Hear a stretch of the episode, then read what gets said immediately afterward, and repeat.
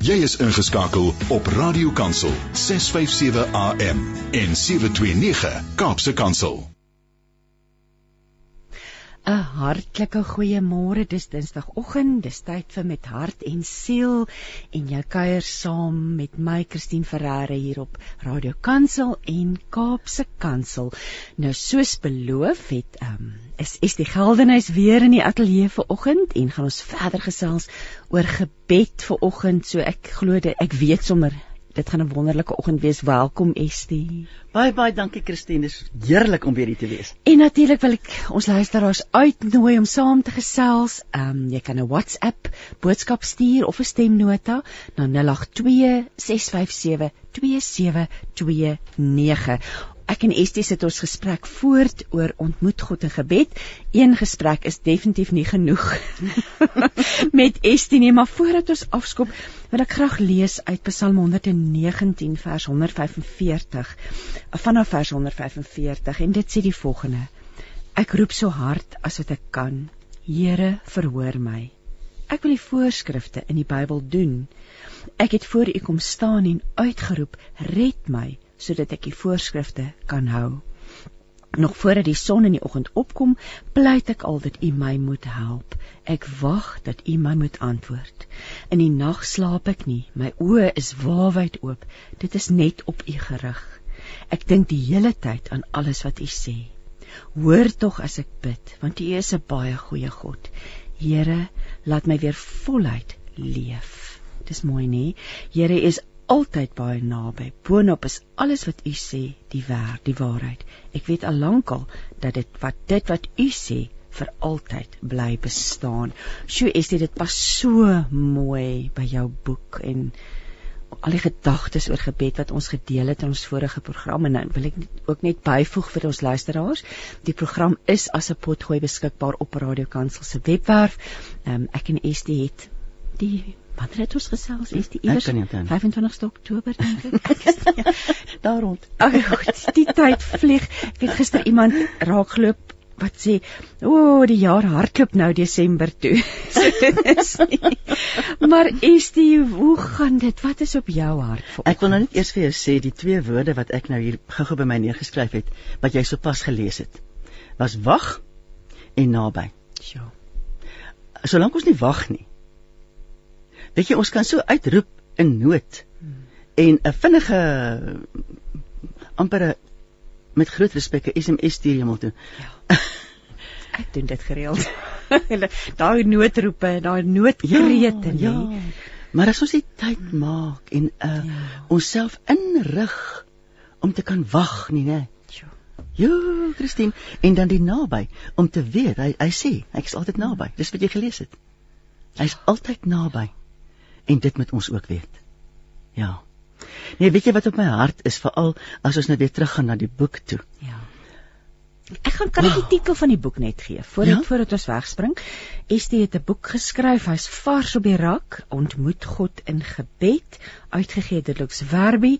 Ons het verlede week gesels oor die eerste gedeelte oor Jesus die wat en al die al die betekenisse van wat hy sê is ek is maar skus so ek wil net mm, graag mm. ons luisteraars die naam van die boek want ek weet hulle gaan vra. So. Ja.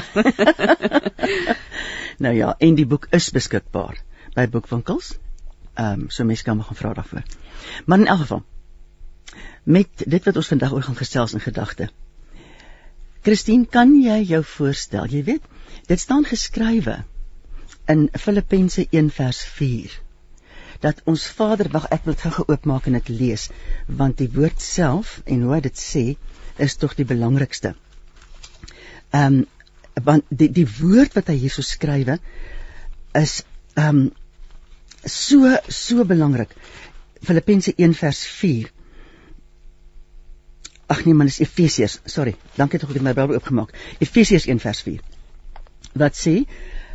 Uh geseënd vers 3 eers. Geseënd is die God en Vader van ons Here Jesus Christus wat ons geseën het met alle geestelike seënings in die hemele in Christus. Hm. Hæ? Huh? Onthou ons dit. Is ons bewus van die belofte? Hm. En dan kom vers 4. Soos hy ons in hom uitverkies het en dis nie 'n uitverkiesingsleer nie. Dis 'n kwessie van almal wat hy gemaak het, het hy gekies om voor het hy uitgekies voor die grondlegging van die wêreld om heilig en sonder gebrek vir hom te wees voor die grondlegging van die wêreld. En dan staan in Filippense 'n teksvers wat Jesus sê dat hy ehm um, hy herstel sal word in wat hy was voor weet voor hy 'n mens geword het. En hy bid dit ook hier in Johannes. Met ander woorde, dink aan tyd. Voor tyd nog bestaan het, het ons Vader en Here Jesus en Heilige Gees elkeen van ons geken. En daar was 'n spesifieke rotine of ritme van dinge wat moes gebeur. Uiteindelik as deel daarvan is ons Messias gebore op aarde. En alles het volgens plan verloop. En dan kom hy en hy soek 12 uit. En ek gaan spesifiek daarna verwys vir oggend. En hy hy hy moes een uitsoek wat 'n uitstekende Judas kon wees. Dink daaraan. Maar hy het geweet. Hy het geweet, maar hy het almal ewe lief gehad. En nou kom ons by die deel wat ons nou vandag gaan bespreek wat ek in die boek oor geskryf het. En dit is sy afskeid. En net hy weet wat die volheid van hierdie afskeid behels. En en die res weet dit nie. En weet jy, dit bring my net weer by die by die wag en die naby. Dat elkeen van ons in die bestek van ons lewe waaragtig sal oefen om op hom te wag. En daai wag behels om 'n koneksie te maak en om iets te ontvang. Dis nie vinnige boodskapies wat ons SMS nie. Hmm. Ons moet leer, ons moet ons instel daarop om ons moet ons dissiplineer om regtig tyd te maak. En weet jy wat? Christine, om tyd te maak daarvoor behels ook om nie meer by die TV te bly sit as daar movies opkom wat 'n ouderdomsbeperking op het nie. Wat jy weet, daar geweld en seks. Ja, wat ja. jou gees heeltemal nie meer getrek ja, ja, ja. nie. Wie dit bebodder jou wag. Ons moet ons so dissiplineer dat ons werklik fokus op dit wat van die Vader is en wat tot die Vader se eer is. Jy weet, is die as ons as ons nie dit doen nie, is ons nie in staat eintlik om enigiets anders te doen nie, nie. En dit is die fout wat ons dikwels maak. Mm. Soos jy sê, ons stuur daai SMS boodskap, Bybel gebede of daai SMS gebede deur. Maar die Here weet ook hoe nodig ons het mm. om saam met hom te sit, nê. Mm. Absoluut. Absoluut. En en elke mens kyk Christine, ehm um, ek en jy kan daaroor praat. Ons het baie vriendinne. Jy het baie mense in die ateljee. Ek het baie mense in die ateljee gehad in die tyd. Ehm um, elkeen het sy eie aard hmm. en sy eie manier van doen. So het elkeen van ons vir ons Vader ook ons eie aard en manier. Ons kan nie na ander mense luister en ander mense probeer dupliseer nie. Nee. Dis nie soos dit werk nie. Ons moet ons eie pad na hom toe vind en daarin gedei. Maar is dit dit hou verband met wat jy sê oor intimiteit, die belangrikheid van intimiteit met God? Ja. Want intimiteit is op 'n hoogs persoonlike vlak. Dis die mens wie jy is wat exactly, wat met hom ja. kommunikeer. So dit ja. hou vir my baie mooi verband daarmee nie. Ja, absoluut. Nee, absoluut. Ja, die ons is nou ons het die vir die vorige keer gepraat oor die God wat ons aanbid, die karakter van God en wat die evangelie van Johannes vir ons leer. Jy het vir ons wonderlike insigte gebring en die boek bespreek dit ook in die in die heel eerste deel 13 hoofstukke. Weet jy of ons heeltemal by al die 13 uitgekom het nie? Ek dink ons is nie ons is nou nog besig met hulle. Strek by hoofstuk 8. Ons is, is is dit vir ons op die afskeid. En ons het ja, 8 is die afskeid en dit is maar ons vandag gaan begin gesels. Kom, nou kom ons praat daaroor. Ek is ek is al reg om aan te gaan nou, maar kom ons gaan daaraan want dit ja. ek dink ons gaan net weer en weer moet gesels. Gelukkig weet ek gesprekke wat baie lank met jou. Ons ons ek en jy kry nie klaar gepraat nie. Dis glad nie. Die kom ons. So die groot oh, afskeid. Jy het ja. sommer hartseer geword voor die tyd toe ons staan en wag het vir vir Janine om klaar te maak. Ja. Ja, weet jy wat? Ek jo, ek dink kan jy dink. Ek dink die grootsheid daarvan. Ja, ek dink nie ons kan ons indink in daardie laaste maal wat Yeshua saam met sy 12 disippels gehad het. Hy het presies geweet wat gaan aan. En hulle nie. En weet jy wat? Ek ek weet nie of ek dit in die vorige program gesê het nie, maar kom ek sê dit weer. Ek het in Jodeland geleer dat die ehm um, jy weet ons ken almal Da Vinci se laaste avondmaal skildery wat so 'n lang skildery is en lang tafel en almal sit op stoele. Dit is nie hoe die Jode dit gedoen het nie. Hulle het 'n U-vorm van tafels gepak met beddens agter. Almal het gelê en eet. En dan was dit 'n U-vorm sodat die twee wat bedien het in die U kon instap en almal persoonlik kon bedien. Dan as jy so van hierdie kant af kyk in die U in, in die diepte van die U, was die hoofkelner regs en dit was Petrus gewees by hierdie maaltyd. Die second in charge was links en dit was Johannes by hierdie geleentheid. En dan langs die een aan die linkerkant, die belangrikste een wat aan geleed, was die een wat wat die belangrikste was by die by die maaltyd. En dit was Jesus. So Jesus en Johannes direk langs mekaar en wie die derde een was waaragtig die een in die geselskap wat die verste weggebly het van die plek waar hulle die maaltyd gehou het. En daardie aand was dit Judas. Met ander woorde, toe Jesus die woorde gespreek het van die een wat wat sy brood saam met my in in die, in die sous doop. Ehm um, almal het dit dalk nie eens gehoor nie, almal het dit nie gesien gebeur nie, maar Johannes wat direk langs hom was, hy het dit alles geweet. En toe Johannes ook uiteindelik wou weet wat die diepte daarvan was, was dit vir hom maklik om net effens terug te leun. amper met sy bors, sy kop op Jesus se bors en en hy hy kon dit uitvind. Maar net vir ons Messias was die volheid van die grootsheid van daardie aand bekend. En hulle het eers na Getsemane verstaan wat regtig aan die gebeur is. Nou weet jy die eerste gedagte wat ons net weer moet onthou is waarom is hy gebore? Ons Messias het gekom in die eerste plek om die mensdom te verlos van die invloed van die Satan. Maar in die tweede plek het hy gekom om die Vader aan ons te kom bekendstel. En die wyse waarop hy met die Vader omgegaan het, waarvan die disippels verseker die beste voorbeeld gekry het, want hulle is die ouens wat wat mos die meeste tyd met hom spandeer het. So hulle is die ouens wat wat dit werklik waar um besef het. En hy het ook nie net die Vader aan ons bekend gestel nie, maar ook die Vader se karakter en hoe om met die Vader te kommunikeer. En weet jy, um ek kan my net voorstel watter agting ons Messias wakker gemaak het by sy disippels vir die almagtige Vader. Dat hulle sou weet hy's niemand se speelmaat nie. En ek dink nog op 'n tydjie is dis iets wat by ons kort kom. Ek dink nie ons het genoeg ontsag vir die grootsheid en die heiligheid van wie hy is nie. Dit moet ons ook by ons Messias leer. En weet jy hulle het 3 jaar lank saam beweeg. En net Jesus het geweet.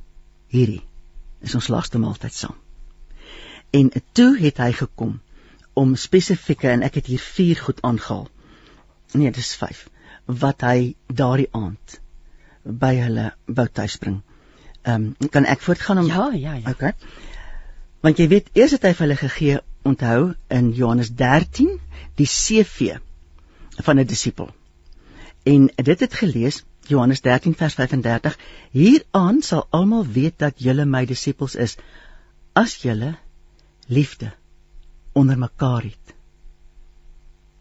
Kyk hoe wonderbaar.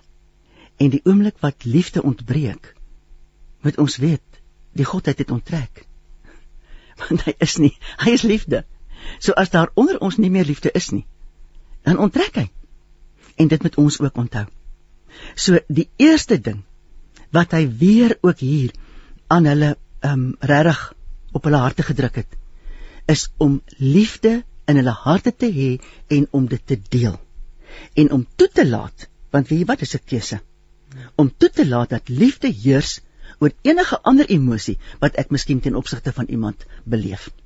Die tweede een wat hy vir hulle geleer het, was gehoorsaamheid. In Johannes 15:14 sê hy: "Julle is my vriende as julle alles doen wat ek julle beveel." Ons moet hom gehoorsaam. En weet jy, hierdie opdrag geld vir ons ook natuurlik vandag. Maar nou kan ons vir mekaar vra, hoe gaan ons dit regkry? Johannes 14 vers 7 lees: As julle my geken het, sou julle die Vader ook geken het. En van nou af ken julle hom en julle het hom gesien. Want die Vader is ook in Christus teenwoordig. En daarom, want wie jy eh, ook Christus en die Vader is een. So as hulle een is en ons het die een gesien, het ons mos ook die ander een gesien. So, luister ook hoe lees Hebreërs 10 vers 19 en 2 tot 22 uit die message vertaling.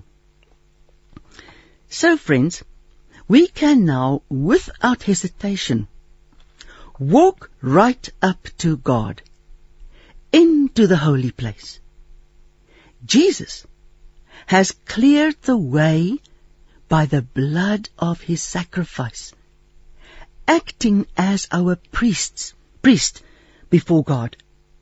The curtain into God's presence is His body, the body of Jesus. So, let's do it. Full of belief, confident that we're presentable inside and out. Hmm, pragtig. Dit is wat Christus vir ons kom doen het. En hoewel dit op hierdie stadium wat hy met hulle praat, nog nie volbring is nie, want hy moes nog gemarteling gekruisig word en opstaan uit die dood, is dit wat hy in gedagte gehad het. En Christine, ek dink die meeste van ons se grootste probleem is dat ons nie genuine verstaan wat dit is wat jy so af ons gedoen het nie. Hoe dieper ons 'n begrip het van die verlossingswerk, van die heiligmaking wat hy vir ons bewerk het. Hoe meer sal daardie verstaan ons verhouding met hom beïnvloed en ons vermoë om te staan teen Satan. Hoe meer sal dit vir ons 'n werklikheid word. Kom ons luister na Steller Kaart wat vir ons gaan sing Something Holy. Woorde van waarheid en van waarde. Jy kry dit op 657 Radio Kansel en 729 Kaapse Kansel. Goeiemôre, Estie. En Christine, ek wil net net gou-gou sê, daai stukkie wat jy vanoggend gelees het, is so so wat ons die laaste tyd gebid het. Ons bly in die Kaap en my kinders in Pretoria met my kleinkinders en ons sien hulle so so min. So ons het tot die Here gebid vir dat ons nader kan gaan. My man het 'n werk gekry en net toe dit nou moet gebeur dat ons moet gaan toe laat weet hulle laat ons nie meer kan gaan nie. Dit het my moed so in my skoene laat sak. Kan dit wees dat jy bid tot iets tot Abba Vader en hy dit wegvat of is dit Satan? Ek is so verward en deurmekaar op hierdie stadium. Asseblief, kan jy 'n raad gee? Sjoe, Estie. Wat is jou antwoord? Want ek dink baie mense voel so mm. en baie mense beleef dit van mm. tyd tot tyd. Mm. Mm. Hoe weet ons? Weet jy, dit is dit is albei die moontlikhede wat sy noem is moontlik. Mm. Want dit is moontlik dat die vyand 'n stokkie kon insteek elders. Dit hang ook af hoe 'n mens gebid het voor die tyd. En ek dink 'n mens moet en dit is wat vir my belangrik is. O, Christine is eintlik 'n baie goeie um, vraag wat wat ons nou het om te vra want weet jy wat ek nou net 'n bietjie later ook gaan bespreek is hoe ontsettend belangrik dit is dat ons sal verstaan op watter manier die die verlossing en die oorwinning van Christus ons juis beskerm teen Satan. Maar in hierdie kosbare sessie se geval werk gekry en toets dit weer onttrek. Aanvaar dat daar iets beters vir julle is sien dit sodat Vader iets nog beters vir julle in gedagte het. Moenie moedeloos raak nie. Bly op jou knieë. Bly hom vertrou. Moenie enige gebed aan tyd koppel nie.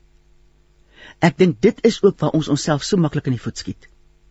Want hoeveel mense is daar wat vrouens wat 'n leeftyd vir 'n eggenoot gebid het en op sy sterfbed toe kom hy in na die Here toe.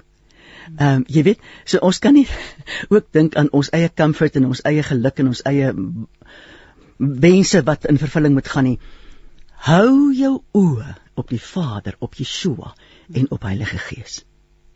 En verheug jou daarin dat waar jy vandag is, hy alles van jou weet en hy jou hele lewe in sy hand het. Hou uit. Byt vas en bly op jou knieë en weet dat hy die beste plan vir julle in gedagte het. Hmm, amen daarop. Ja. Amen daarop. Estie en sterkte vir julle en jo, Estie, wyse woorde. Nee. Maar dis nie maklik nie. Dit is nie maklik nie. Ek dink ons almal kom in sulke situasies Ja. wat die deurbraak kom net nie of iets blokkeer dit of wat soos in hierdie geval. Estie, terug na die afskeid. Ehm um, ek wil nou vir jou vra Wat wat wat kan ons leer? wat kan ons leer ja, Ja, in ja. terme van ons gebedslewe, ons verhouding met die Here? Want jy lig 'n paar goed uit Mm, mm. um, in daardie hoofstuk. Mm. So vertel Nou, bietjie wat kan ons leer? Liefde. Kom ons vat liefde. Wat ek nou klaar van gesê het. As ek en jy in 'n supermark is en daar's iemand agter jou wat droog maak. Ek dink almal van ons het al teëgekom. Stamp aan jou op wat ook al. Of in die trolley. tyd net te naby, asseblief nie so naby nie. wat is ons eerste reaksie? Weet jy wat? Dis daai ding van as jy wat jy ook al in 'n koppie gooi as jy in die koppie stamp gaan wat binne is gaan uitval. So as daar koffie is gaan koffie uitkom, as daar water is gaan water uit, as daar liefde is gaan liefde uitkom. Sjoe. Maar as daar nie genoeg liefde is nie, gaan daar iets anders uitkom. en ons moet sorg, ons moet eintlik bly wees vir sulke klein oomblikke om onsself met 'n barometer te kan meet waar staan ek. Het ek regtig lief of wat gaan aan? En as ek, ek kyk na gehoorsaamheid. Weet jy, ons moet gehoorsaamheid leer. Hoe doen ons dit? Deur die woord te lees. Daar's nie 'n ander manier wat ons kan lees, ag die gehoorsaamheid leer soos om die woord te lees nie. En weet jy wat, ek en 'n vriendin het net gisterand gesels oor mense wat eintlik nie erg het aan die Ou Testament nie en kies om net die Nuwe Testament te lees. Wie Christine, ek het eendag het ek 'n pastoor hoor sê dat die Ou Testament is die hand en die Nuwe Testament die handskoen. Sonder die hand kan die handskoen niks maak nie. En sonder die handskoen is daar nie die finale afgeronde betekenis van die hand nie. Want die handskoen handskoen gee definisie. En ons moet die boek lees van Genesis af. En ons moet kyk na karakters, wat was hulle keuse? Wat was hulle uiteinde? En so moet ons ook gehoorsaamheid leer. Ons moet gehoorsaamheid op ons voorkop dra as ons die boek lees om seker te maak dat ons niks mis nie. Want ons Vader het vir almal van ons konstant ook deur die hele woord net hy vir ons instruksies of voorstelle of keuses wat ons moet maak. En en ons moet daarby kom om dit te doen. Die derde een wat hy dit is liefde, gehoorsaamheid en die derde een wat Jesus in daardie laaste aand werklik weer kom deurgee het, was toegang tot die Vader. En dit is wat hy vir die mensdom kom doen het. Omdat hy dit gedoen het, kan ons intimiteit met die Vader beleef.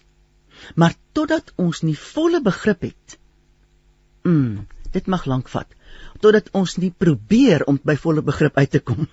Dis weer terug by die wag. Dis terug by die wag. Oor wat hierdie ehm um, opoffering van hom werklik vir die mensdom kom doen het, gaan ons nie leer wat die toegang tot die Vader behels nie.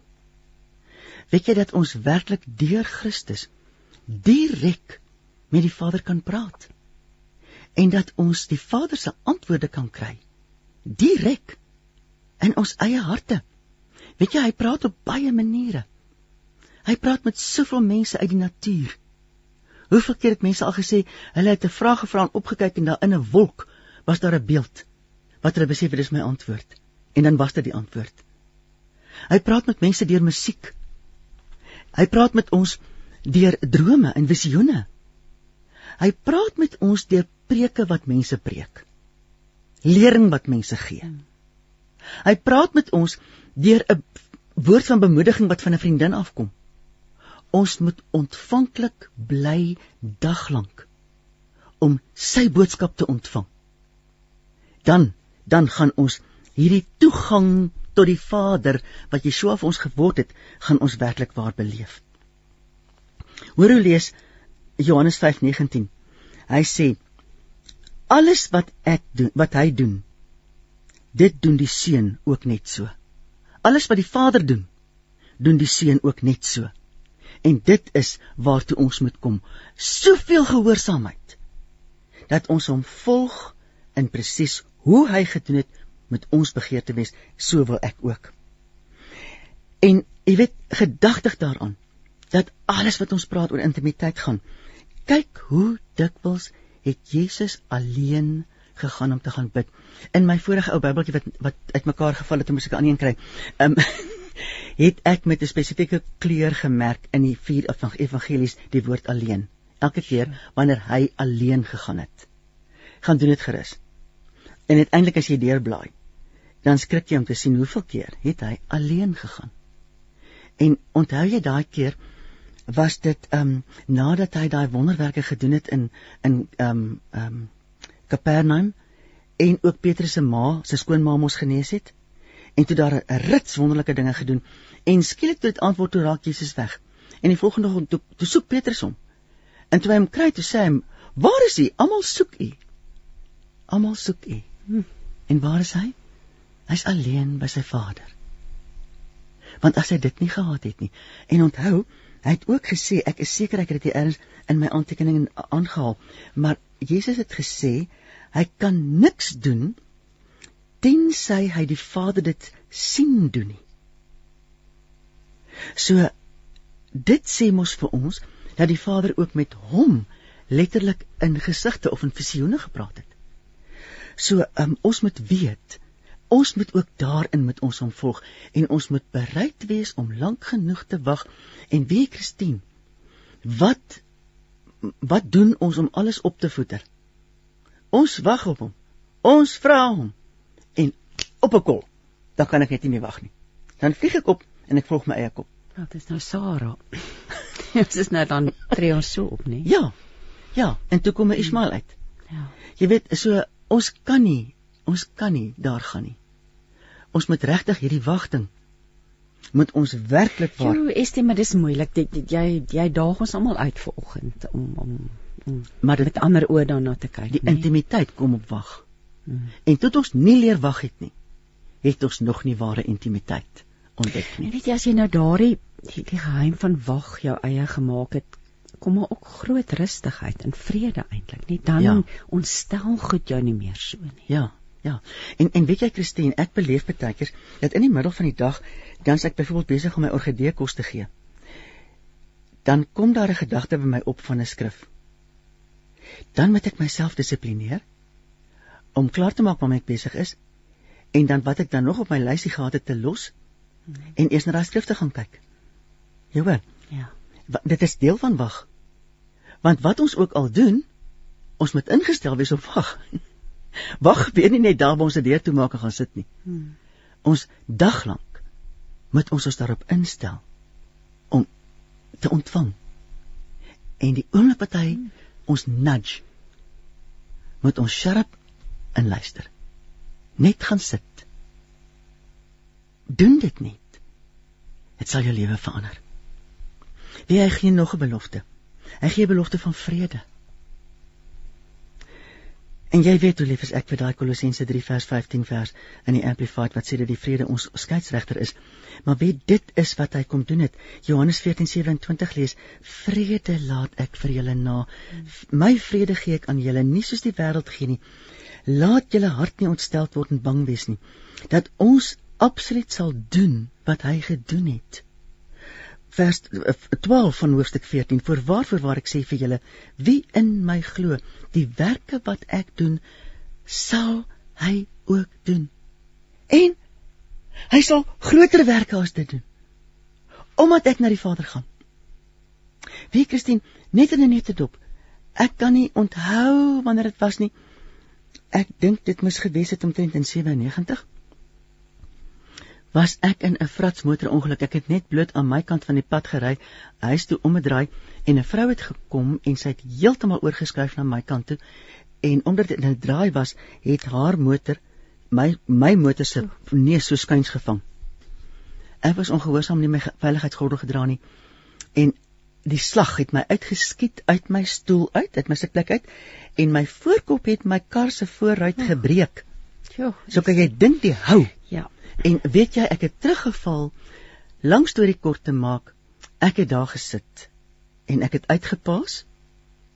En toe ek bykom, het ek gebid en die volgende oomblik het ek gevra op grond van hierdie teksvers Johannes 14:12 dat ons groter wonder groter wonderwerke sal doen as u omdat u na die Vader gaan. Het ek gevra raak my nou aan. En genees asseblief my rug. Nee nee, ek het nie gesê my rug nie. Ek het gesê genees my. Want ek het 'n ongelooflike pyn gehad. Jy, en toe ek het klaar gebid het, toe se pyn weg. Toe ek heeltemal by ek kon sien die ambulans staan aan die kant en die brandweer was na daai kant, ek het hulle my hospitaal toe gevat. En hulle het plate geneem van my nek en niks gekry wat gebreek het nie. 7 jaar later osteoporose toets, dokter wat hierdie toets doen wat hulle jou so van bo tot onder toets en hy ek toe kom sit toe sê hy vir mevrou dit en dit en dit van die beendigtheid en mevrou wanneer het jy jou rug gebreek? O, oh, Ek sê van dokter ek het my rug gebreek nie. Hy draai daai plate so om en hy wys vir my. Toe sit die letsel nog daar. Kompressiefraktuur. amen. Hy sê "D- dit kan nie lieg nie. Mevrou, jy het jou rug gebreek. Wanneer was dit? Toe weet jy. Hy sê toe vir my, "Was jy ooit in 'n motor?" Nee, hy vra eers jy uit 'n boom uitgeval. Ek sê van daarvoor was ek te rats. Want ek was rats, maar toe ek 'n kind was. Maar hy vra toe was jy in 'n motorongeluk? Ja. En ek vertel hom 'n storie en ek sê vir hom ek het gebid. Ek weet nie, ek het nooit weer daarna daai dokter gesien nie. Ek weet nie waar hy by die Here staan nie. Maar ek het daai dag wow. Gesê, "Dokter, ek het gebid op grond van hierdie teksvers en as jy vir my sê ek het my rug gebreek, sê ek vir jou, God het my daai daai dag net so Aangeraak en genees. en genees. Dit is wat Yeshua vir ons beloof. As ons daarna soek om so in intimiteit op hom te wag dat ons met hom deel word. En nou gaan Frans van Mulder vir ons sing en jy gaan nie glo watter lied is uitgekies nie. Jesus is ons bron van hoop. Ah, Geen rompslomp, geen tierlantentjies. Dis net klanke van die lewe op 657 Radio Kansel en 729 Kaapse Kansel.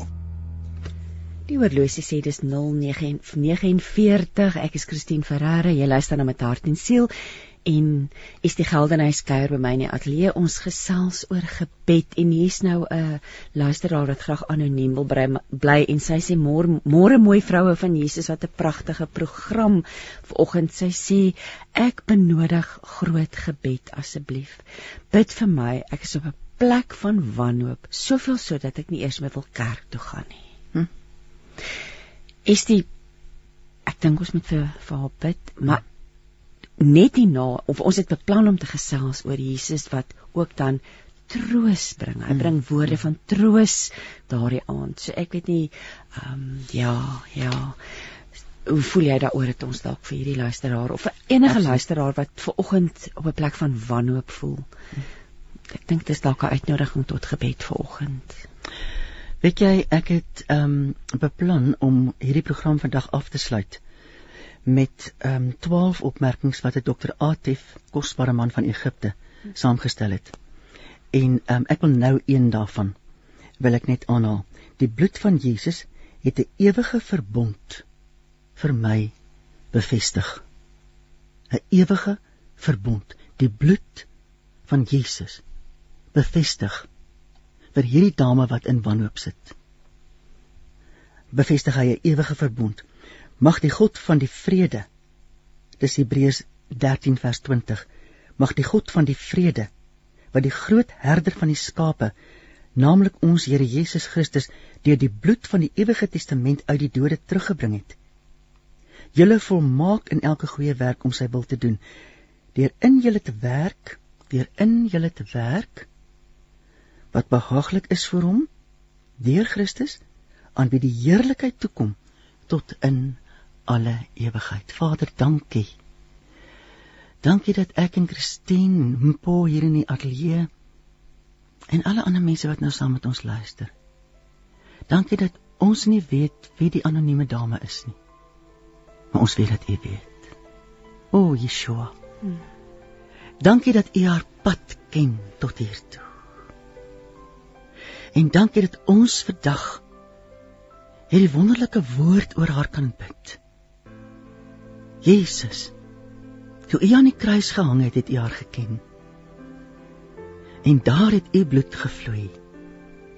En daar het U bloed 'n ewige verbond namens haar gesluit met U met ons Vader en met Heilige Gees. Liefste dame, ek wil jou vanmôre bemoedig daarmee. Wil jy nie jou hande so oor jou bors sit en jouself vashou? En hou jouself styf vas. En besef dit is soos Yeshua jou op hierdie oomblik wil vashou. Hy sal sy verbond met die Vader namens jou nakom.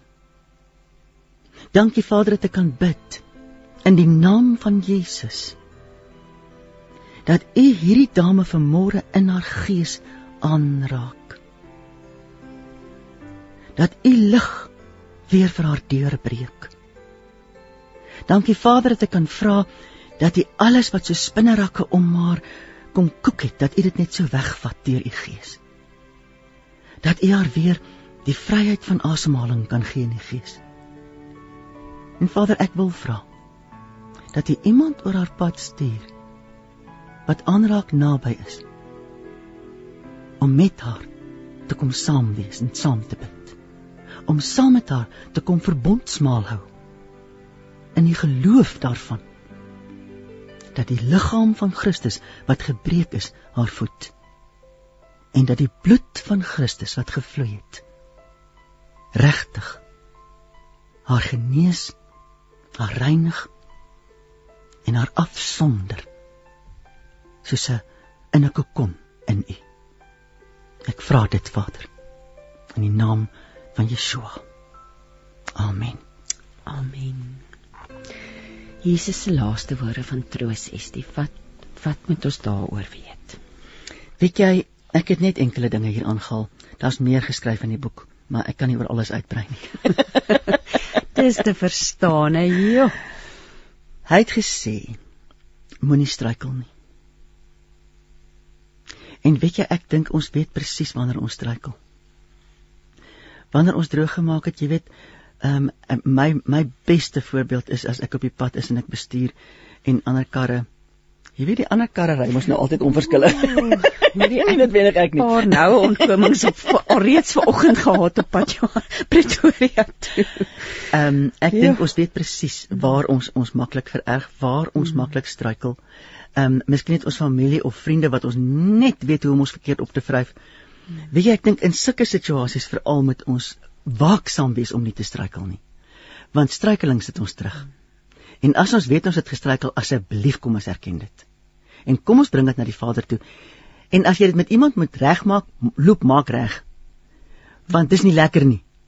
En dit help jou om 'n volgende keer nie weer terug te gaan daarna toe nie. Moenie struikel nie. En verder sê hy ook, die keuses wat ons maak, bepaal ons hele lewe. Mag ons reg kies. En mag ons weet En weet jy, hy sê ook in Johannes 14 vers 16: Ek sal die Vader bid en hy sal julle 'n ander trooster gee. Heilige Gees om by julle te bly tot in ewigheid. Die Gees van die waarheid wat die wêreld nie kan ontvang nie omdat hy hom nie ken en hom nie sien nie, maar julle ken hom omdat hy by julle bly en in julle sal wees. Sonder hierdie trooster is daar nie vir ons troos nie. En hoe nouer ons leer om saam met hom te wandel, hoe hoe dieper gaan ons werklik waar bekom by daai plek wat die vrede ons ontwyk wanneer ons verkeerd optree. En daar's nog iets wat ek vir jou wil lees. Ehm um, Johannes 16 vers 8 en as hy kom sal hy die wêreld, dis nou die gees, As hy kom sal hy die wêreld oortuig van sonde, geregtigheid en van oordeel. Weet jy as Heilige Gees in ons is en ons doen een van daai drie sonde, geregtigheid en oordeel. As ons in ongeregtigheid optree, hy binne in ons gaan ons dadelik herinner. En hy sal die oordeel wees wat ons nodig het om werklik waar ons reg te ruk om om in die Vader te wees. Dit is eintlik baie interessant as mens nou so na jou luister nê want ons ons praat oor troos, maar die goed wat jy noem is moeilike goed. wat jou tot hierdie plek bring, so dis jou optrede wat die Here rig of Jesus ja. rig het vir ons sodat ons by die plek kan kom wat ons getroos ja. kan word. Verstaan ek jou reg? Dis reg. Met ander woorde, hy sê hy is ons troos. Hmm. Maar as ons hom nie soek tot ons hom vind nie. Ja dan ontwyk die troos ons. Hmm. En dan waarskei ons vir situasies in ons lewe waar ons droog maak, waar ons beleef dat die troos is gone saam met die vrede. Ja. Ja. En dan moet ons weet daai ding moet eind kry.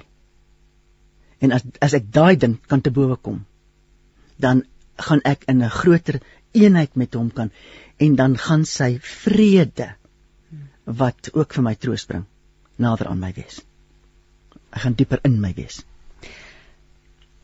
Die laaste nagmaal, die avondmaal, is hmm. natuurlik gevolg daarna die kruisiging is dan die volgende groot onderwerp hmm. wat jy ook in hierdie gebedeboek bes, bespreek. Um en jy sê daar's twee dinge wat ons maar voor ek by die kruisiging kom, is dit nou eers die die hoëpriesterlike gebed. Want dit wat Yeshua gebid het daar, dit is fenomenaal. En weet jy, ek het nie in in hierdie hoofstuk want ek het later in die boek verwys ek weer deur Andrew Murray se lering hmm. na die hoëpriesterlike gebed, maar ons mag nie hierdie hoëpriesterlike gebed mis nie. En en weet jy Christine, verskriklik belangrik. My gedagte met die hoëpriesterlike gebed begin nie by wat hier gebeur het in Johannes nie, maar by Numeri 6 vers 27. O oh, ja. Want Numeri 6 bevat ook 'n hoëpriesterlike gebed, né? Hmm. En hy sluit af met die woorde: so moet julle dan my naam op die kinders van Israel lê en ek sal hulle seën. En met hierdie woord in gedagte wil ek nou ook sommer vir die dame wat wie ons net nou gebid het sê. In die naam van Jesus lê ek die naam van die Vader op jou en die naam van die Seun en die naam van die Gees. En ek weet God drie enig sal jouself seën. Want dit is wat dit beteken. As ons, weet jy, dis die belangrikste. As jy oor 'n groep mense kyk, is die belangrikste ding wat jy oor hulle kan Vader, ek sit U naam op hulle almal neer. In die naam van Jesus. En dat ons sal weet dit is dan wat gebeur. En ek dink sonder dat jy weet, ek het nie vir jou nou genoem nie want ons is besig met gesels, maar het nou 'n hele paar WhatsApps deurgekom mense wat gebed bitter nodig het um sukkel om swanger te raak um uh finansiële probleme allerhande hele lang rit so ek ek dink dis belangrik vir elkeen van hierdie persone vanoggend elke luisteraar wat al vir ons 'n WhatsApp gestuur het om te weet dat daai gebed geld vir jou ook mm -hmm. in alle omstandighede nie ek wil huil enorm ek wil huil ek het al meermale vir vrouens wat nie kan swanger raak nie gebid en hulle swanger geraak En ek wil vir jou wat nie kan swanger raak nie sê. Sit net jou hand op jou buik. Dankie Vader. Dankie Vader dat ons kan vra. In die naam van Yeshua. Open hierdie skoot. Vader, dankie dat ons weet ek kon Sarah se skoot open op 'n hoë ouderdom. Tot die binnewerke nie eers meer wonderstel was om te werk nie. U is die God van alle dinge. U heers oor alle dinge. En by U by U is alle dinge moontlik. Dankie dat ek nou kan vra. In die naam van Yeshua. Open die skoot van u dogter wat so begeer om 'n eie kindjie te hê. Dankie Vader, ek prys U naam. Dankie dat U dit doen. En jy wat 'n probleem het met jou finansies, sit jou hand denkbeeldig op jou beursie.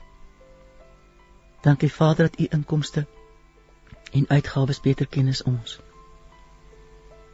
Dankie dat u ons voorsiener is. Dankie dat ek kan bid vir elkeen wat 'n probleem het met finansies. Om die gawe te ontvang daarvan. Om te jubel in u. Veral as die koskas leeg is. Om te jubel met 'n verwagting nie na kos nie, maar na u. En dat u in u liefde sal kom en sal voorsien. En dat elkeen wat werklik jubel in U dit sal beleef, Vader, en dat ons nie sal jubel sodat ons kon kos kry nie, maar dat ons sal jubel omdat ons U waaragtig aanbid en eer. Dit vra ek in die naam van Yeshua. Amen. Kom na my, gaan Marika nou vir ons sing. Een visie, een stem, een boodskap. Radiokansel 657 AM en 729 Kaapse Kansel maak impak op lewens van Gauteng tot in die Kaap. Ek amper die woorde nie, Estie. Dit is 'n goedheid vir oggend en jy het met so 'n gevoel van diepe hartseer eintlik ingekom vandag en Miskien ja. net vind ons sien so die Here se ja. hand hoe ja, dit ja, ja. ingeweef is in hierdie program wat sy doel is daarmee en ons sê dankie vir vir elke gebed wat jy ver oggend gebid het vir ons luisteraars en, en dink hierdie meisiekind wat nou gesing het se laaste woorde kom na my. my kom na my dit ekho wat jy vir ons sê en dit kom is wat Vader bly sê kom na my toe ja ja almal wat vermoeid en belas is en ek sal julle rus gee hm. kom ons praat oor die hoëpriesterlike gebed ja weet jy wat Ehm um, dit bly vir my amazing die hele affære dat voor die grondlegging van die aarde ons Vader alles beplan het. Alles was in plek uit geweet. En ehm um, reeds ehm um, in Genesis Genesis 3 kom daar die wonder van ehm um, die belofte, die profetiese belofte. Hmm dat die saad van Adam en Eva sy kop sal vermorsel. En daai saad is 'n hooflettersaad. So daardie plan was ook reeds gemaak gewees voor die grondlegging van die aarde. En Yeshua het geweet, hy het saam met sy Vader in hemelse plekke verkeer net alles gesien gebeur. En toe dit tyd geword het, is hy op aarde gebore. En ehm um, Kyk wat dit met hom gebeur. Matteus 4 vers 1 tot 11. Hoe die Satan hom probeer bykom het, nê? Nee, en hy het ook nooit opgehou daarmee nie. Maar die wonder daarvan dat weet jy as jy net dink ek val myself in die rede maar dink net hoeveel profesie ek het nou verwys na Genesis 3 dink dit hoeveel profesie is daar in die Ou Testament weet jy ek dink net in die psalms is daar iets soos 200 profesieë oor sy koms en sy sterwe en sy die verlossing wat hy bring. En wat nie van die ander profete nie. Ek kyk byvoorbeeld, gaan lees man, gaan lees 'n bietjie weer asseblief Psalm 22. En kyk hoe raak het koning Dawid sy kruisdood beleef. Hy begin dit met met woorde wat Jesus my God my God waarom het U my verlaat aan die kruis dink aan aan Jesaja 53. Hoe raak hy dit beskryf? Alles wat hy die verguising wat hy moes deurgaan. En dis als Ou Testamenties. En hier is ons nou in die Nuwe Testament, hy's gebore en nou bid hy in sy hoë priesterlike gebed. Die uur het gekom. Hy het presies geweet watter uur. Die uur van sy verguising. Die uur van sy marteling die uur van sy dood aan die kruis. Maar hy het ook geweet dat hy daarna weer sal opstaan uit die dood uit. En weet jy ehm um, hy plaas hom met ander woorde met hierdie woorde binne in die volheid van die tyd. Maar in hierdie selfde gebed kom hy met 'n ander swaar gewig vir die koninkryk. En hy sê dat Jesus vra dat die Vader die Seun sal verheerlik sodat die Seun die Vader ook kan verheerlik. En nou weet ek nie of jy al, die vrae gevra het wat behels hierdie verheerliking? Waaroor gaan dit? Wie het toe ek die gesoek het daarna? Toe kom juis Matteus 4 vers 1 tot 11 by my op. Kyk net hoe het die Satan hom nie versoek nie. Maar in alles het Yeshua die Vader verheerlik. Sy vertroue was in hom, sy geloof was in hom. Hy het hom opgelig. En die vyand kon Satan, Satan kon Jesus nie onderkry nie. Onthou ek al die wonderwerke wat Jesus op aarde gedoen het. Hy het soveel mense het hy genees. En elke keer die tekens is my so interessant. Jy weet, blykbaar in die Hebreëse um, opset is tekens baie belangrik. En dit is ook waarom as jy in Johannes 3 gaan lees, sal jy sien dat Nikodemus toe met hom kom praat, het hy ook verwys na die tekens. Want dit het Nikodemus laat wonder, is hy nie dalk die een nie? Die tekens het hom laat wonder. So die feit dat daar soveel tekens was van genesing, van mense wat uit die dood opgewek is. En wie vandag is daar in teologie weer 'n beweging wat dit wil nullify. Ongelukkig. Terug by die Fariseërs. Maar in elk geval, ons weet dit het gebeur. En so al hierdie wonder wondertekens wat hy gedoen het. Wonderwerke. Wat het dan gebeur? Uiteindelik het hy nie toegelaat dat mense hom die eer gegee het nie. Hy self het die Vader die eer gegee daarvoor en mense het die Vader verheerlik. En dit is waar die verheerliking inkom, sien jy? En die belangrikste aspek van die verheerliking was dat Jesus die mense se aandag van homself weggevat het en dit op die Vader gesit het. Om te verheerlik is om hoog te ag om eer en glorie te gee. Toe Judas die maaltyd verlaat het, was Jesus se woorde juis in Johannes 13 vers 31 en 32. En toe hy buite was, sê Jesus: "Nou is die seun van die mens verheerlik."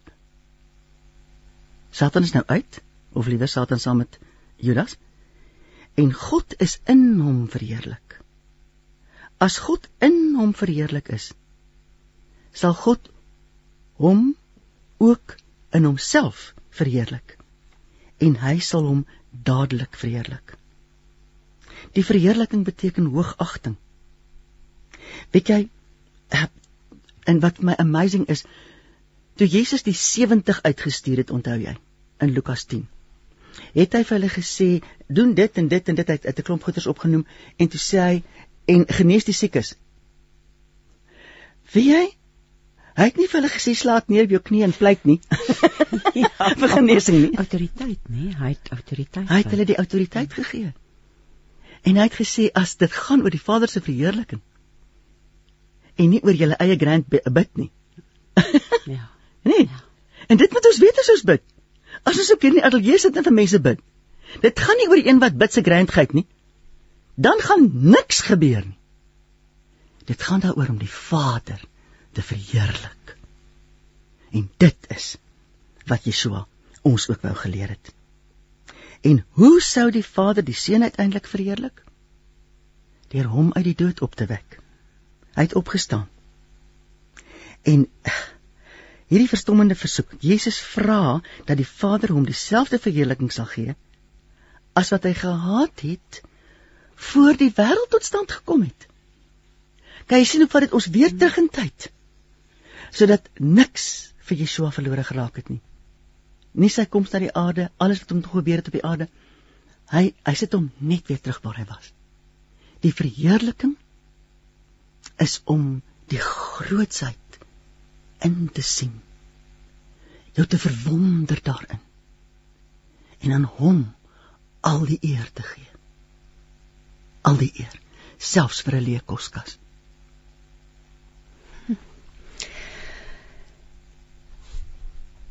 Kom ons luister na relevant wat ons gaan sing. God is ons toevlug. Geloof, hoop en liefde. Ervaar oorwinning in jou lewe op 657 Radio Kansel en 729 Kaapse Kansel.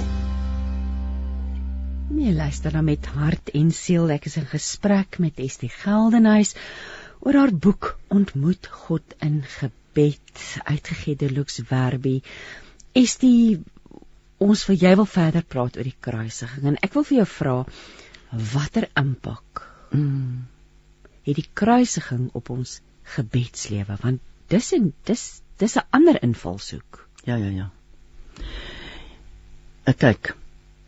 Van die begin af was die mens en dis eintlik goed om net weer te onthou hoe wonderbaar die posisie van Abraham was in die hele grootvaders van die Bybel. Want Abraham het geleef 400 jaar voor die wet gekom het. En dan word daar op drie plekke in die Nuwe Testament gesê Abraham het God geglo en dit is hom tot geregtigheid gereken. So eerste was Abraham se geloof wat geregtigheid. Wat is geregtigheid? Geregtigheid is ag dit is maklikste om te sê daai middelste woordjie reg, nie verkeerd nie. Gereg, nie vergeet nie. Ja, met ander woorde om in 'n right standing te wees met die Vader. Dit is wat geregtigheid behels, né? En Abraham het dit bereik, beleef, uitgeleef. Al het hy niks anders gehad as net sy kontak, sy intimiteit met die Almagtige nie. En so, dit is Abraham. Toe daarna was die groot figuur gewees Moses. Moses wat toe die opdrag gehad het om die berg op te gaan en terug te kom en al hierdie goed in te bring. En wat is dit wat hulle toe moes ingerig het die tabernakel? En wat was die sentrale ding eintlik rondom die tabernakel? Die offers wat gebring moet word. Met ander woorde die volk moes leer vir alles wat hulle verkeerd gedoen het moet hulle kom belydenis doen en dan die graad van verkeerd wees het bepaal watter offer gebring moes word en ek glo met my hele wese dat Vader dit absoluut wonderbaarlik ingestel het vir twee redes Die volk was 'n klomp slawe. En al wat hulle gebed het is om te doen wat gesê word om te doen, laat nie van self gedink nie. Hier moes hy hulle leer dat hulle 'n eie identiteit kan hê. Hmm. En dat hulle gesamentlik 'n groep kan wees. Maar het dit ook ingestel ter wille van die profetiese vooruitskouing wat Yeshua aan die kruis vir ons sou kom beding. So dit is waarom al daardie dinge gebeur het en uiteindelik is ons nou daar waar ons kyk na ons Messias wat gemartel is, wat ehm um, belieg is. Hulle het nie 'n ware klinkklare getuie teen hom ooit kon vind nie, maar hulle het hom nogtans en die wonder daarvan dat Barabbas gekies is bo Jesus en jy weet Bar is seun van Abba Vader dis Barabbas So die seun van die Vader is gekies bo die seun van die Vader. En daar hang hy aan die kruis. En nou moet ons vir onsself uitmaak, wat is dit? En manne wat slim is, wat die woord baie ure op hulle eie in intimiteit bestudeer. So 'n man is dokter Atif van Egipte. En weet jy, ek het dis nie in die boek geskryf nie maar ek het dit vir ons gesprek hier vandag het ek dit net aangehaal vir myself in my notas om vir jou te sê dit is die 12 dinge wat die bloed van Jesus vir ons doen. En as ons hierdie goed bestudeer, hierdie 12 punte bestudeer. Christine, en ons oefen om dit oor onsself en ons eie mense te bid en oor wie ook jy al bid. Daar's soveel krag in. Want dit praat van die dit is eers eerste plek woord, En die tweede plek, die profetiese uitoefening van woord wat werklik waar gebeur het. In die eerste plek sê dokter Atif, die bloed van Jesus verlos ons van die hand van Satan. Efesiërs 1:7. In hom het ons die verlossing deur sy bloed. Die vergifnis van die misdade na die rykdom van sy genade. Hy verlos ons van die hand van Satan. As daar ooit iemand is wat benoud is dat Satan jou kan bykom, gaan sit en bid hierdie vers, Efesiërs 1 vers 7. In die tweede plek, die bloed van Jesus verlos my van elke vloek wat oor my kan kom. Weet jy, ek dink um, ons is miskien bietjie ignorant partykeers. Ons besef nie dat vloeke nog steeds uitgespreek word. En dat vloeke steeds uitgespreek is in die verlede by goed waarby ons betrokke raak. En skielik begin alles verkeerd loop en ons kan nie verstaan wat gaan nou aan nie. Maar intussen gaan dit oor vloeke. Jy weet daar is selfs vloeke wat oor 'n familie byvoorbeeld uitgespreek is. Een buurman is kwaad vir die ander en hy vervloek hom. As iemand nog nooit daardie vloek gekanselleer het en die die hand van Vader gevra het om dit uit te wis nie, dan kan dit steeds 'n invloed uitoefen oor die nageslag tot waartoe. Ehm um, So die bloed van Jesus verlos my van elke vloek wat oor my kan kom. Galasiërs 3 vers 13 lees. Christus het ons losgekoop van die vloek van die wet nogal. Deur vir ons 'n vloek te word, want daar is geskrywe: "Vervloek is elkeen wat aan 'n hout hang." Nou die vloek van die wet, dit is ook so dat ehm um, ek erns wil ek verwys nog na uh, die gees van godsdiens en weet dit kom van die van wettisisme af. Daar's 'n groot verskil, maar dat ek myself nie vooruitloop nie, maar net sê daar's 'n groot verskil tussen om godsdienstig te wees en om in 'n intieme verhouding te leef met die Almagtige, want die godsdienstigheid gaan oor die mense besluite, die mense doen en late, die intimiteit gaan oor afhanklikheid van gehoorsaamheid op grond van kennis wat jy het van die Vader se waarheid groot verskil, groot verskil. Ja. ja. Die derde punt. Die bloed van Jesus het 'n ewige verbond vir my bevestig wat ek net nou gebid het. 'n Verbond. Wat is 'n verbond? Weet jy 'n verbond is is bindend. Dis lewenslank. Dit kan nie gebreek word ehm um, tensy een van die twee partye dit breek nie. En die Vader gaan dit nie breek nie. So as ons dit breek, is ons is eh, plaas ons onsself in 'n dilemma.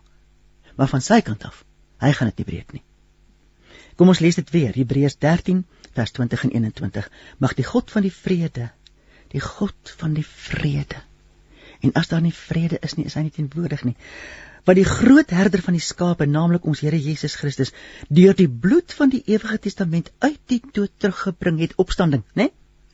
Julle volmaak in elke goeie werk om sy wil te doen deur julle in in deur in julle te werk wat welbehaaglik is vir hom voor hom deur Jesus Christus aan wie die heerlikheid toe kom tot in alle ewigheid. Amen. Dit is die verbond wat hy met ons het dat hy wat hy is wie hy is wil hy in ons bewerk en deur ons deurgee. Dan is daar die vierde punt. Die bloed van Jesus het my versoen met die vrede van die Vader. Alle mense en die skepping. Die Vader alle mense en die skepping. En daar weer kom Efesiërs 2 vers 13 en Kolossense 1 vers 20 en ek het hulle nou ongelukkig nie hier aangehaal nie maar gaan kyk gerus asseblief self weer daarna die bloed van Jesus wat my versoen met die vrede van die Vader alle mense en die skepping Efesiërs 2 vers 13 tot 16 en dan ook ehm um, Kolossense 1 vers 20. Die volgende die vyfde punt. Die bloed van Jesus het vir my die wonder gegee van vergifnis van al my sonde. Al my sonde. Weet jy as daar ooit by jou 'n gedagte opkom van goed waarin jy Jenny en droog gemaak het en jy wil weer so in mekaar krimp Lees asseblief weer Efesiërs 1 vers 7. In hom het ons die verlossing deur sy bloed, die vergifnis van die misdade na die rykdom van sy genade. Dit is ons waarheid. En dit is wat sy bloed vir ons gedoen het. Kan jy sien hoe belangrik is dit om die die begrip te hê maar ook die skrif daarby te vat? En om uiteindelik die skrif te bid. Want dit is die woord maak ons vry. Die woord is die waarheid en die waarheid maak vry en om die woord wat jy nou so mooi gesê het en dit is ons waarheid weet jy ja, ja. dit dit moet ons absoluut weet weet jy en dan is daar ehm um, punt 6 die bloed van Jesus die seun van God reinig my van alle sonde. En dis weer 'n keer. Ehm um, o, dis hierdie keer 1 Johannes 1 vers 7. Maar as ons in die in die lig wandel soos hy in die lig is, dan het ons gemeenskap met mekaar. En die bloed van Jesus Christus sy seun reinig ons van alle sonde. Kyk hoe kom dit by herhaling hmm. terug. Weet jy en ek wil net nou vir elkeen wat na hierdie program luister, ek wil vir jou verkondig as daar goed is waaroor jy jouself so in die stilte verguis wat jy so skielik onthou en dan kyk jy sommer ander pad en jy doen sommer iets anders want jy wil net hierdie gedagte uit jou kop uit kry. Hou op om weg te hardloop van die gedagte, gaan sit 'n slag en gryp hom voor sy bors. En praat met hom en sê vir hom, hierdie skrif is vir my waar. En loof Jesus dat hy jou vergewe het vir daai ding wat jou so getarsa. En sien in jou geestesoog hoe hy dit met sy bloed uitwis en dat jy dit nooit weer sal sien nie. Iemand het eendag vir my gesê sy het gesukkel met met 'n um, beelde van pornografie wat sy op op televisie gekyk het. Of op haar skerm gekyk het. En sy het gebid en Vader het vir haar gesê: "Vat hierdie kwas, 'n denkbeeldige kwas. Hmm. En dip hom in die bloed van Jesus. En vee dit so bo oor die skerm van jou in jou geestesoog oor die skerm van jou rekenaar. En sien hoe die bloed, sy het gesê, sy het gesien hoe die bloed so afgeloop het en dit het al haar images toegemaak. En dit het nooit weer teruggekom na haar toe nie. Amen. Is dit nie wonderlik dat die Here God die bloed van sy seun kan gebruik om ons so op 'n nuwe plek te bring nie? Hm, weer terug nou. Dit het jy gesê het, nê? Nee. Mm. Hy praat met ons deur beelde. Ja, kragtig is hierdie beeld nie, maar in die lig daarvan, kom ons luister na Fernando wat vir ons gaan sing Kettings. Daaglikse brood van die lewe en steen en raad. Dit alles en nog baie meer op 657 AM. Ja, luister dan met hart en siel. Ek is Christine Ferreira by my in die ateljee is die Geldenhuis en ons gesels vandag oor gebed. Die bloed van Jesus is die Dr. Atef. Dr. Atef van Egipte wat hierdie 12 punte saamgestel het. En die sewende een is lees die bloed van Jesus bring vir my regstelling. Maak my regverdig. In die Engels justify. It justifies me van alle aanklagte van die Satan. Dit wis elke aanklag van Satan uit en bring my in 'n stand van geregtigheid voor die Vader. En daarby gee hy Romeine 3 vers 24 en dit lees en hulle word deur sy genade sonder verdienste baie belangrik sonder verdienste geregverdig deur die verlossing wat in Christus Jesus is. Dit is wat sy bloed vir ons doen. Hy regverdig ons. En weet jy, ehm um, ek ek weet nie of ek nou party mense dalk skok nie, maar ek gebruik elke dag van my lewe verbondsmaal. Ja. Party mense noem dit nagmaal, ek noem dit verbondsmaal want dit herinner my aan die verbond wat hy met ons gesmee het. En wanneer ek dit gebruik, dan dan bid ek sulke soort skrifte. En ek sê dankie dat u bloed wat ek nou hier hmm. simbolies gaan gebruik, dit vir my doen. Ek kan in hierdie dag instap vry van alle skuld en van alle twak van gister. Enigiets wat my probeer inhaal soos 'n jakkals aan my hmm. sit vlak probeer hap, jy weet. dis nie nodig nie. En as ek die broodjie gebruik en ek lees hierdie skrif dan sê ek hierdie woord voed my nou. Hmm. Die liggaam is die brood van die lewe. Asseblief ouens, doen dit gereeld, so gereeld as wat Heilige Gees jou herinner. Ek sê vir jou, dit bou jou binnekant, okay? Die 8ste punt. Die bloed van Jesus reinig en heilig my sodat ek aan die almagtige Vader kan behoort, toegewy aan hom, set apart om in sy bediening te kan staan. En daarvoor wil ek vir jou lees uit 1 Petrus 1 vers 2.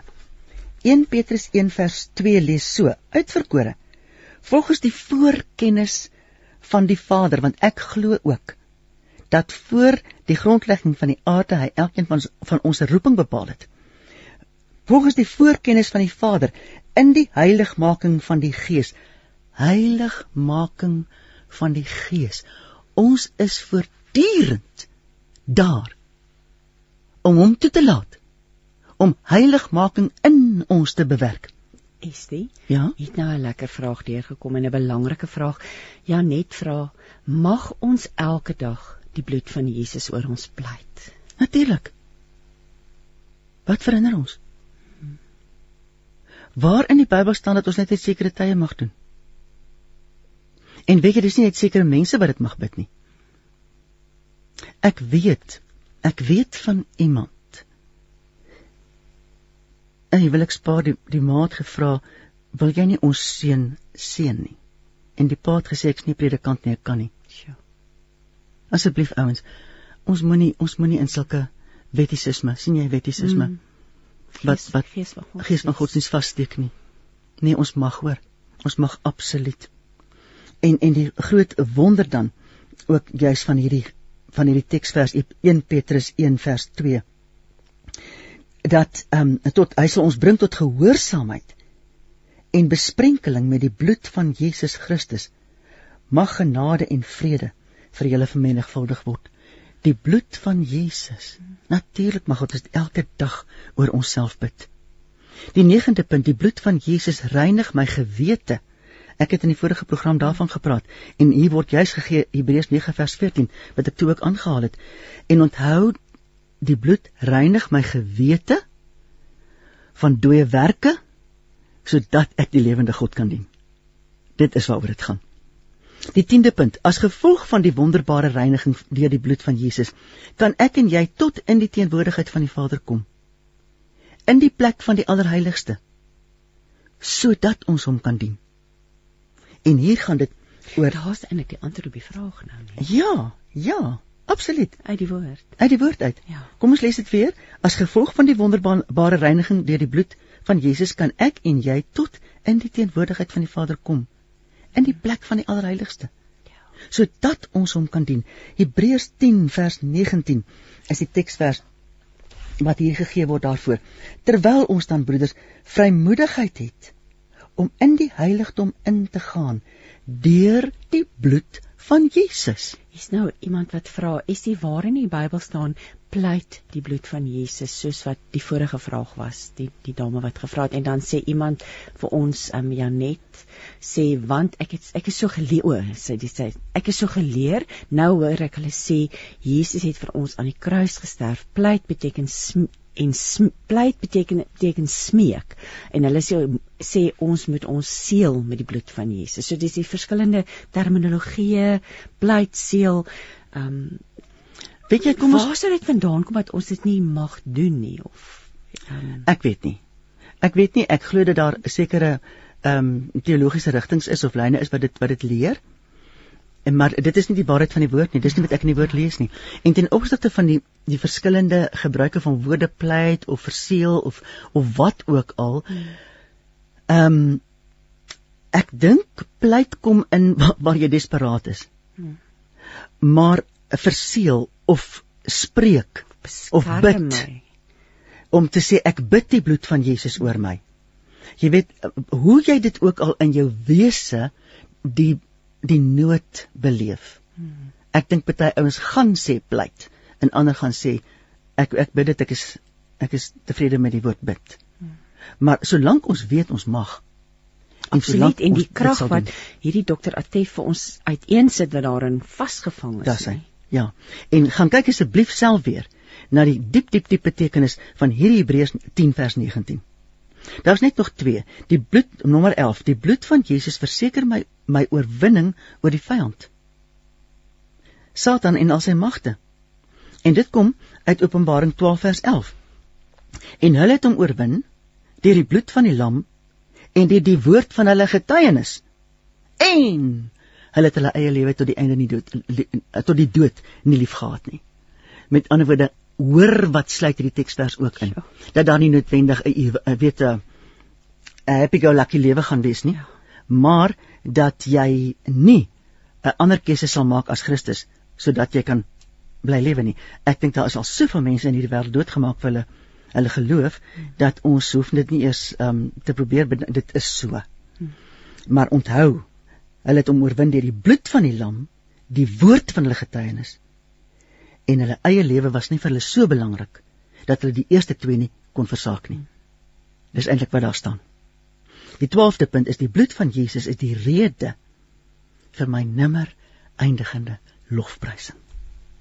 Hmm. Nimmer eindigende lofprysing.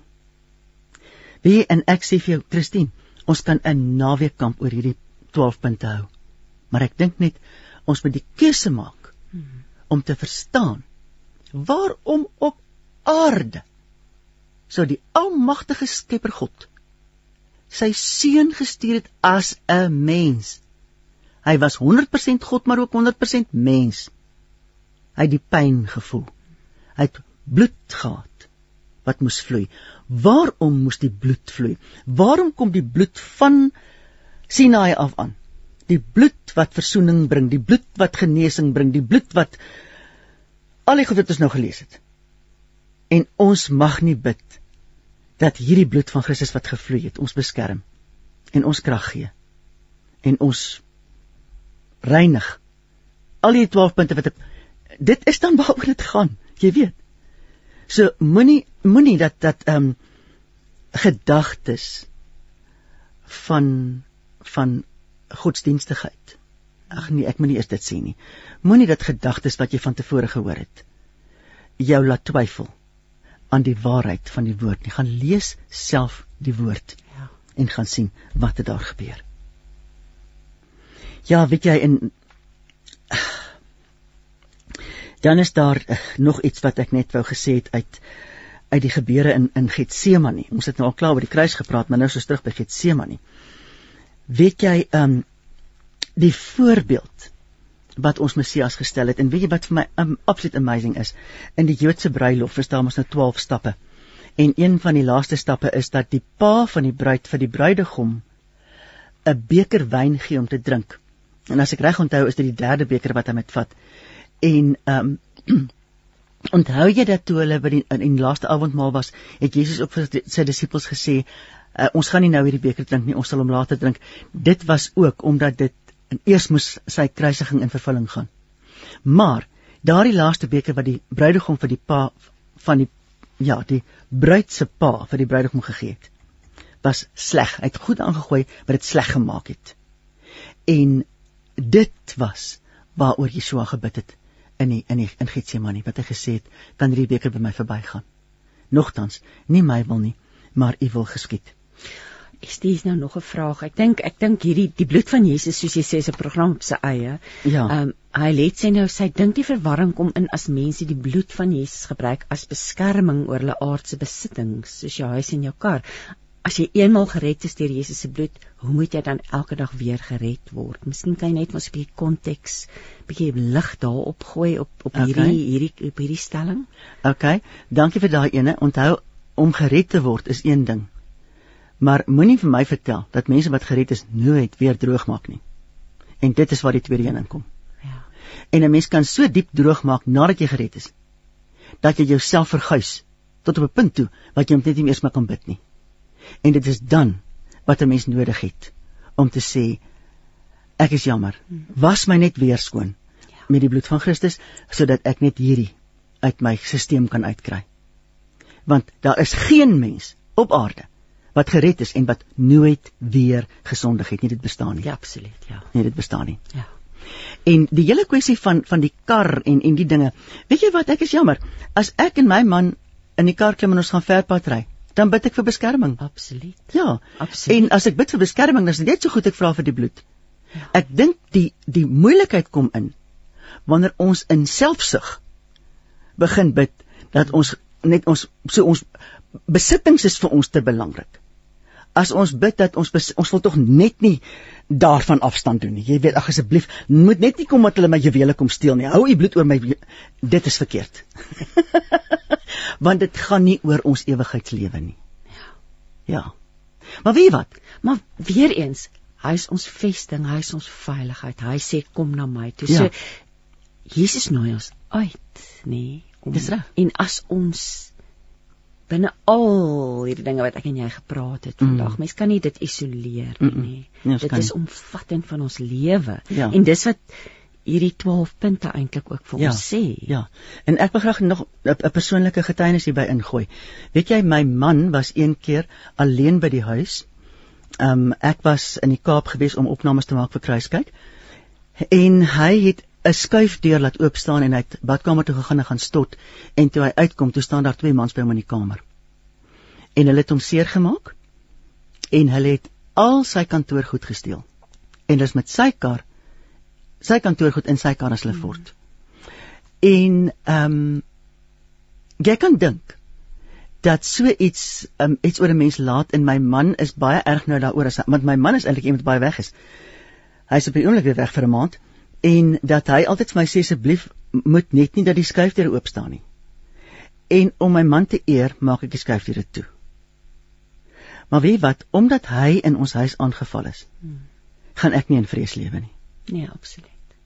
En dan bid ek vir my beskerming in my huis elke aand as ek gaan slaap.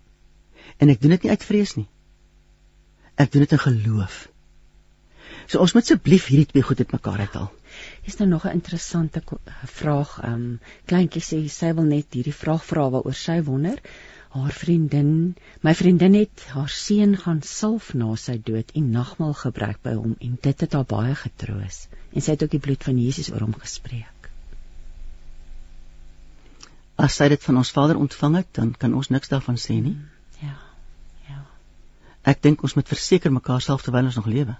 En kleintjie wil weet, het dit nog waarde al is die persoon dood? Weet jy kleintjie, ek sal nie graag op die lig daarop wil antwoord nie. Ja. Ek ek sal ek sal baie graag liewer wil vol staan daarbey. Miskien het dit waarde gehad vir die moeder. Hmm. Ek glo dit het waarde gehad vir die moeder. Dit maar sy sê dit het die ma baie getroos. Ja, Want sy ja. het eintlik haar pyn soos dit ek dit sou interpreteer Ja. na na na hom toe gevat, nee. Ja. Na Jesus toe gevat. Hoorie, ek sê nie hiermee dis verkeerd nie. Ja. Ek sê net ek wil nie 'n opinie uitspreek op die lig daaroor nie. Want dit is dit is baie persoonlik en ons kan nie weet wat het daai mamma gebid voordat sy dit gaan doen het nie. As dit Vader God se opdrag was, wie wie's ons om om dit te kritiseer? Absoluut. Maar kom ek sê vir jou, asseblief, kom ons self mekaar terwyl ons lewe. En kom ons bid vir mekaar terwyl ons lewe. Ja. En kom ons spreek oor mekaar. Ek weet nie of julle ook um, in julle gesinne WhatsApp of um, Telegram groepe het nie. Moenie bang wees om oor jou gesinslede 'n 'n seën uit te spreek op so 'n platform nie.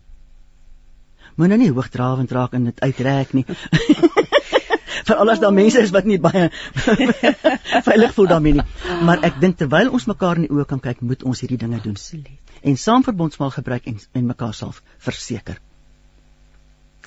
Weet jy, is die hierdie stukkie op bladsy 109 vang my oog en en en jy sê daarso met sy kruisdood is 'n fontein van genade oopgesteek wat tot in ewigheid sal vloei. 'n Fondament van vrede en vreugde is gelê wat nooit kan val nie. Dit alles het Jesus aan die kruis afgehandel. En dan sê jy verder, Jesus het dit alles opgeoffer sodat hy in 'n verhouding met my en jou kan staan. Wanneer ek en jy kom om tyd in sy teenwoordigheid deur te bring, is dit hmm. belangrik om te onthou wat dit van hom gevra het om 'n persoonlike verhouding met ons te bewerk. Jesus het alles gegee. Kom ons antwoord op daarop deur ook ons alles te gee. Mag ons in sy teenwoordigheid kom met begrip van wat dit hom gekos het. Hy het waarlik alles volbring sodat 'n ware ontmoeting met hom moontlik is. Mm. Daarin lê vir my ongelooflike krag. Mm, ek stem saam. Dit dit is waaroor dit alles gaan. Rondom al hierdie vrae want dit Ja. is dis dis dis nie iets wat mens in 5 minute kan bespreek nie, Nee. maar daarin lê vir my nogal baie baie waarde. Ja. Dankie daarvoor. Kan ek afsluit Ja, met met 'n gedagte oor wat met Maria gebeur het Ja. in die in die by die tuingraf. By die graf. Ja. Ehm um, sy het gegaan vroeg in die môre. Want hulle wou hom gaan behandel met met al die dinge wat nodig is. En toe sy daar kom, toe die graf leeg. Die steen is weggerol en die graf is leeg. En sy hardloop en sy gaan na vir Petrus en Johannes en hulle kom aangehardloop. En Petrus gaan eers in en toe gaan Johannes in. En toe hulle albei voort is, toe gaan sy in. En toe sien sy ook die lappe lê en elke ding. En uh, toe sy uitgaan, toe praat wat sy gedink het die tuinier is in die tuin met haar. En hy vra vir haar hoekom ween jy? En sy vra vir hom: weet jy dalk waar hulle my Messias neergelê het? Want sy het gedink iemand het sy liggaam verwyder. En toe noem hy haar naam. En die manier waarop hy haar naam gesê het, het haar dat besef wie dit is. Ja. Hoe staan my en jou intimiteit met hom? Mm -hmm. Sal ons hom ook herken aan die manier waarop hy ons naam noem? Here Jesus Christus, wees ons genadig. Help ons elkeen. Vader, dat ons nie sal opkyk na ander mense nie. In die naam van Jesus vra ek. Dring ons deur u Gees om u te soek vir wie u is. Ek vra dit in die naam van Yeshua en sit asseblief u hand op alles wat in hierdie program gesê is. Dat niemand sal verwarring ervaar nie, maar dat ons sal voortgaan in u. Amen. Christine baie dankie. Amen. Dankie vir jou Estie weer eens vir 'n wonderlike insiggewende program en jou tyd. Dit is altyd lekker om na jou wysheid te luister, jou kennis van die woord en mag die Here jou seën en soos beloof, nog 'n gesprek lê voor. 8 November omdat ons het eintlik toe net deel 1 afgehandel. so ek skakel gerus weer in as jy wil die res daar's nog baie baie baie wysheid wat gedeel word in hierdie boek en Estie gaan dit met ons ook kom deel op die 8de November. Um, ek sê dankie vir Paul manne vir die tegniese versorging van ons program vanoggend. Ek sê dankie vir elke luisteraar wat saamgesels het. Mag die Here jou seën, mag die Here met jou wees daar by die huis en mag jy soos ek elke week sê sy tenwoordigheid absoluut intens ervaar want sonder dit is ons niks nie. Ons sê dankie vir 'n geseënde program vir oggend Estie ja en en ja mag die Here ook met jou wees hierdie week. Ek groet tot volgende week en ons ons sluit af met Welma wat vir ons sing Be still and know.